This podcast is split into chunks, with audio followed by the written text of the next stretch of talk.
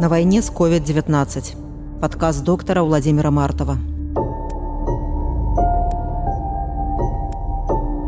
Я Владимир Юрьевич Мартов, бывший заведующий отделением анестезиологии и реанимации Витебской городской клинической больницы скорой медицинской помощи. З вами журналістка радыё свабода Ганна Соус і вы слухаеце падкаст Владимира Мартова. Ён прадстаўнік вядомай віцебскай дынастыі лекараў. Мартаў адным з першых у Беларусі адкрыта распавёў аб рэальнай сітуацыі з каранавірусам. Вясной 2021 году з лекарам не працягнулі кантракт, паколькі ён адкрыта казаў аб праблемах у медыцыне і ў краіне. Мы записываем гэты падкаст падчас чацвертай хвалі каранавірусу. Па словах Владимира Мартава улады сустрэлі яе як і першую непадрыхтаванымі. Як і ў сакавіку 2020 няма дакладнай статыстыкі, людзі цяжка хварэюць і паміраюць. Многія бальніцы перапрафілююць для лячэння пацыентаў з каранавірусам, адсутнічаюць арганізацыйныя супрацьэпідэмічныя меры, якія на думку мартава павінны перамагчы каранавірус. Ізноў жа все трымаецца на гераізме медыкаў. Каб зразумець, чаму так адбываецца, трэба вярнуцца да таго, як все пачыналася. А все пачыналася ў віцебску, медыкі якога першыя прынялі ўдар. Глава 1. Начало. Первые пациенты с коронавирусом в Республике Беларусь появились, вероятно, в конце февраля 2020 года. И не у нас. До нас доносились только отзвуки далеких боев. Мы искали информацию, опрашивали у коллег, что и как. У нас были свои люди за рубежом, от которых мы узнавали подробности. 5 марта я опубликовал на YouTube ресурсе «Медицинская литература» достаточно оптимистическое сообщение ну и мы в своей работе как бы вспоминаем грипп 2009 года. Это было очень страшно. Мы похоронили тех, кто вообще умирать не должны. Не старики больные, там ослабленные, а там здоровые, крепкие мужчины, беременные женщины. Тогда это был такой вот всплеск. И это вспоминается с ужасом, при том, что тоже готовились. И я надеюсь, что сейчас наша подготовка, вот и организационная, как бы, и интеллектуальная, как бы, вот коронавирусу, она будет все-таки на большей высоте. Но как-то личное впечатление, что неизбежимо, в общем-то, накроет нас этим коронавирусом. Мы им переболеем. Кто-то, конечно, переболеет тяжело. Это, ну, будет очередная вирусная какая-то эпидемия, не эпидемия. Ну, вот какой-то всплеск. Пока ее, кстати, нет.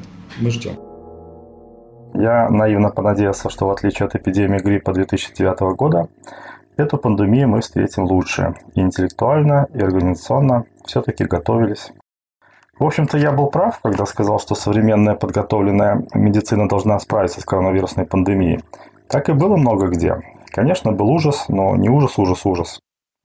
Вопрос в том, почему я решил, что наша медицина в Республике Беларусь современная и подготовленная – Наличие современной аппаратуры и даже подготовленных врачей и среднего медперсонала – это еще не современная медицина. Медицина – это в том числе организация, координация и кооперация. В Витебске первой приняла коронавирусных пациентов областная инфекционная больница. Первые пациенты, прибывшие из Италии, были своевременно изолированы, попытка вспышки оказалась погашена. Самый тяжелый пациент, топ-менеджер Марка, попал на искусственную вентиляцию легких, на его спасение были брошены лучшие врачи-реаниматологи области, организовали индивидуальный пост. 13 марта даже прошла ложная информация, что он умер, было опубликовано официальное опровержение. В итоге его спасли в прямом смысле слова. Вот что значили индивидуальный подход и персонализация лечения. А в это время в Витебск возвращались из поездок многие-многие, привозя с собой вирусы. Этих больных становилось все больше, заболевали семьями, а инфекционная больница оказалась забита контактами первого уровня, даже не больными, а просто изолированными. Семейную пару из одной квартиры нередко просто разлучали. Жена, например, плюсовала, то есть ее ПЦР-тест оказывался положительным, и госпитализировалась в подготовленный инфекционный стационар. А ее муж с отрицательным, ложно-отрицательным результатом ПЦР ехал в обычную больницу, первую городскую, где никаких эпидемических мер еще не предпринималось. Так обычные неинфекционные стационары становились очагами распространения инфекции.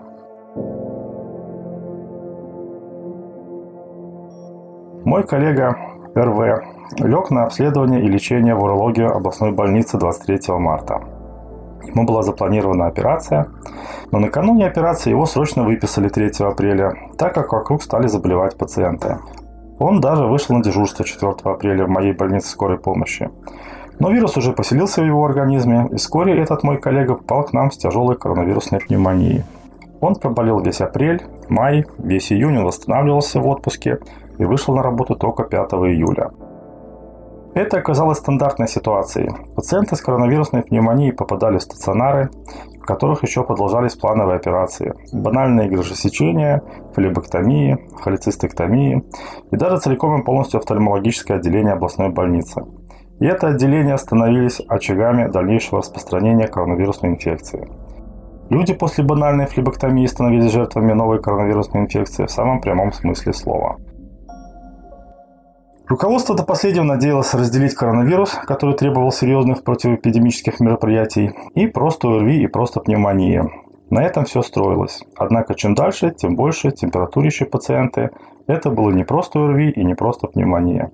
Ключащие симптомы ОРВИ означали высокозаразную новую вирусную инфекцию. Подтверждение новой инфекции запаздывало, страдало неточностью. И медперсонал в первом окопе, лишенный средств индивидуальной защиты, слег поголовно.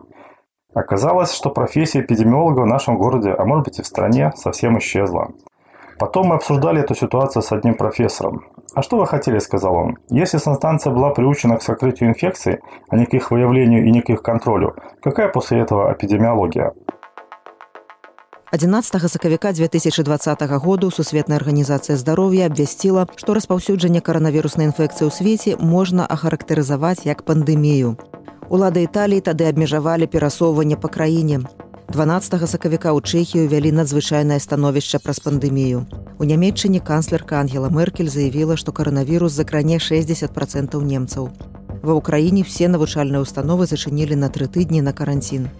А ў Беларусі Александр Лукашенко заклікаў не ствараць ажыятаж і не купляць лекі ці медычныя маскі. Ён сказаў, што маскі павінны насіць толькі пацыенты, каб знізіць рызыку заражэння навакольных у гэты час у Витебску. В марте еще ходил грипп. Я сам заболел им, посетив Минск 13 марта для прощания со своим учителем, профессором Кирковским. Слава богу, флустоп был под рукой, и я выкрикался на следующий день. Так быстро выздоровел, что даже приехал в Минск читать очередную лекцию на кафедре трансплантологии 18 марта. Это была едва ли не последняя лекция в Белмапо, Белорусской академии постдипломного образования, на последнем перед коронавирусными ограничениями курсе, после чего курсы были приостановлены на полгода. Грипп я даже застал в кожвен-диспансере, когда уже вовсю повалил коронавирус. Буквально через несколько дней стало видно даже на глаз, где грипп, а где корона. И очень жалко было пациентов, которые при явном гриппе бежали за орбидолом, а не принимали азельтамивир или флустоп. Похоже, орбидол убил немало пациентов, которым помог бы своевременный прием азельтамивира. А потом грипп исчез, и остался только коронавирус. Исчезновение гриппа произошло очень быстро, буквально за неделю-две, у меня на глазах, потому что я уже тоже оказался в первых рядах, хотя и не на острие главного удара. Тым часам Александр Лукашенко на нарадах з урадам прапаноўвае свае спосабы лячэння каранавіруснай інфекцыі. Гэта гарэлка, сауна и трактор. Я человек э, не пьющий, но в последнее время в шутку говорю, что э, водкой надо не только руки мыть, но, наверное, в день 40-50 грамм пересчете на чистый спирт травить этот вирус. Сегодня сходите в сауну сухую. Китайцы нам подсказали, что этот вирус при плюс 60 не выдерживает. Не бегайте по аптекам и не скупайте там маски, спецодежду и, или какие-то лекарства, потому что отравитесь от этих лекарств. А маски раскупите, что за зря. Не надо никакой паники, надо просто работать. Особенно сейчас на селе. Приятно смотреть по телевизору. Люди на тракторе работают, никто не говорит про вирусы. Там трактор вылечит всех, полю всех лечит. Пазней да гэтых ненавуковых парадаў дадасца рэкамендацыя лячыць каранавірус сырам. А ў 2021 годзе Александр Лукашенко агучыць гіпотэзу пра тое, што ковід лечыць рак. З тым, што адбываецца і з тым, што адбывалася ў шпіталях у сакавіку 2020 гэта мала звязана. Доктор Мартов протягивая. Глава вторая. Кожвен диспансер. Во второй половине марта мне позвонил начальник облздрава с задачей нужно помочь организовать помощь пациентам на базе кожного корпуса кожвен диспансера на улице Суржскую. Сразу была поставлена задача попытаться организовать там точки подачи кислорода. Туда даже выделили аппарат искусственной вентиляции легких. за мной заехала машина, мы подобрали по дороге двух инженеров по кислороду из первой городской больницы и поехали в КВД. Областной роддом передал в КВД аппарат ИВЛ. Областная больница – старенький маломощный концентратор кислорода. Полная противоположность тем концентраторам, которые мы получили осенью 2020 года с началом второй волны. Но это мало помогло. Все попытки наладить кислород по-быстрому закончились провалом. Не было технических возможностей. Я связался с заместителем начальника облздрава. Очень интересно было наблюдать, как медики мечутся и пытаются найти решение серьезной проблемы, а инженеры, специалисты по кислороду, просто курят бамбук. Нельзя и все. Поначалу корпус кожвен-диспансера на улице Суржской планировали отдать под наблюдение за пациентами контакта первого уровня. Неожиданно решение было изменено. Теперь туда планировали направлять уже пациентов с пневмониями. Я видел вытягивающееся лицо ночмеда кожвен-диспансера. К такому повороту он, конечно же, был не готов. Я как раз сидел у него в кабинете, приехал с целью организовать взаимодействие своих реаниматологов и дерматовенерологов. Потом наступил тот знаменитый для меня день 22 марта, воскресенье. Накануне я вернулся из деревни, очень волновался и переживал, как впервые войти в инфекционный госпиталь. Снились кошмары, но я понимал, нужно выдвигаться на помощь дерматовенерологам.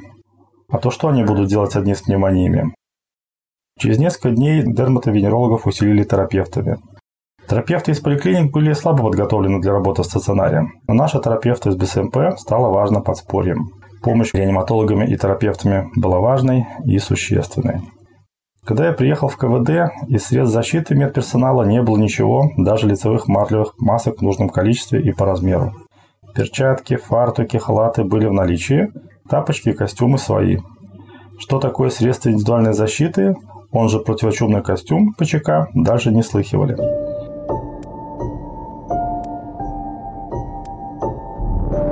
Гэта адбывалася ў віцебску 22 сакавіка 2020 а за 9 дзён да гэтага на прэсавай канферэнцыі чыноўнікі міністэрства аховы здароўя заявлялі што все медычныя работнікі ў краіне забяспечаныя сродкамі абароны ў поўнай меры Вось што сказала 13 сакавіка два году тагачасная намесніца міністра аховы здароўя Алена Богдан. На сегодняшний момент заболевших медицинских работников у нас нет. Но на, как контакты первого уровня, естественно, мы наблюдаем медицинских работников, потому что они контактировали с этими пациентами. Это, это абсолютно естественно. И, да, и плюс еще наши медицинские работники, которые работают в инфекционной Минской инфекционной больнице и в других учреждениях, это Гомель, Витебск и Гродно, эти наши медицинские работники в обязательном порядке с достаточно высокой кратностью проверяются на коронавирус даже при отсутствии жалоб и каких-то клинических проявлений. Это тоже одна из наших, помимо того, что они у нас все обеспечены средствами защиты, они все работают в специальных защитных костюмах, в очках, в масках, в бахилах, в перчатках, регионах, когда контактируют с пациентами, но мы еще и в обязательном порядке проводим их обследование. Прысавай канферэнцыі аб сітуацыі з пандэміяй прадстаўнікі міністэрства аховы здароўя праводзілі ў жывым эфіры да канца красавіка 2020 году. Пасля гэтага адкрытыя зносіны журналістамі спыніліся. Ёсць толькі афіцыйная статыстыка ў тэлеграм-канале міністэрства аховы здароўя ці каментары медыцынскіх чыноўнікаў дзяржаўным сМ А мы вяртаемся ў віцебск у сакавік 2020 году. Там доктор Мартаў з калегамі лечыць хворых коронавірусам у скурна-венералагічным дыспансары. Для дежурства в КВД я выбрал самых своих таких коллег, кого не жалко. Себя, мне был 51 год, Шипунова 57 и Плешкова, чуть младше 50. Через неделю Шипунов заболел, но отлежался еще через неделю вернулся в строй. Мои коллеги называли его «бессмертный» и Дункан Маклауд – мне в какой-то момент тоже было очень нехорошо на дежурстве 26 марта, но я перетоптался. Сейчас я думаю, что это была такая прививка. Похожие ситуации случались позже еще с некоторыми моими коллегами, когда им пришлось столкнуться без защиты с коронавирусными пациентами. Плохо даже несколько дней, но перетоптались. КВД я видел первую истерику пациентки, которая бегала по коридору с температурой 39 и кричала, что ей плохо и ей ничего не помогает. Я уже тогда увидел, что она скоро погибнет. Так и случилось. На завтра ее перевели в другую больницу, где она вскоре умерла. Вообще, в лечении пациентов с тяжелой коронавирусной инфекцией для благоприятного исхода очень важно было правильно себя вести. Мой коллега РВ, который заразился коронавирусом в урологии и которого я уже упоминал, Поначалу молодцевато делал зарядку, несмотря на все увещевания просто лежать и экономить силы. От того так надолго и попал в больницу. Позже мы сравнивали болезнь с восхождением на Эверест. Кстати, Шапунов горный турист, покорял Эверест и хорошо представляет, что такое кислородное голодание. На Эвересте никто не делает зарядку, и основной ресурс – это кислород и экономия сил. Периодически в КВД заканчивались необходимые лекарства. Машины скорой помощи из моей БСМП мы оперативно передавали в КВД парацетамол и антибиотики целыми коробками. У гэты час Александр Лукашенко гуляў у хакей. Спартыўныя мерапрыемствы ў Беларусі ніхто не адмяняў. І калі журналістка дзяржаўнага каналу спыталася ў яго, а ці ёсць нешта, што можа спыніць яго выхад на лёд, Лукашенко адказаў: А зачем? Можно, но зачем? Я не понимаю. Здесь нет вирусов никаких. Вот ты же не заметила, что они летают? И я тоже не вижу. Это холодильник. Это самое лучшее здоровье. Лучше, чем спорт, особенно лед, холодильник этот. Антивирусное лекарство, самое настоящее. А ў віцебску на каранавірус хварэлі медыкі. Яны добра ведалі, як распаўсюджваецца вірус і наколькі ён небяспечны. Позже вернулся из отпуска главный врач КВД, звонил мне. Но все, чем он был озабочен, это выявление у себя любимого коронавируса. Искал, где сделать КТ легких и ПЦР, искал причины взять больничный и пересидеть заразу. А подчиненные его, которые приняли первый удар с одной винтовкой на троих, многие тогда заболели, в том числе начмет и его жена, тоже медработник. Они выжили.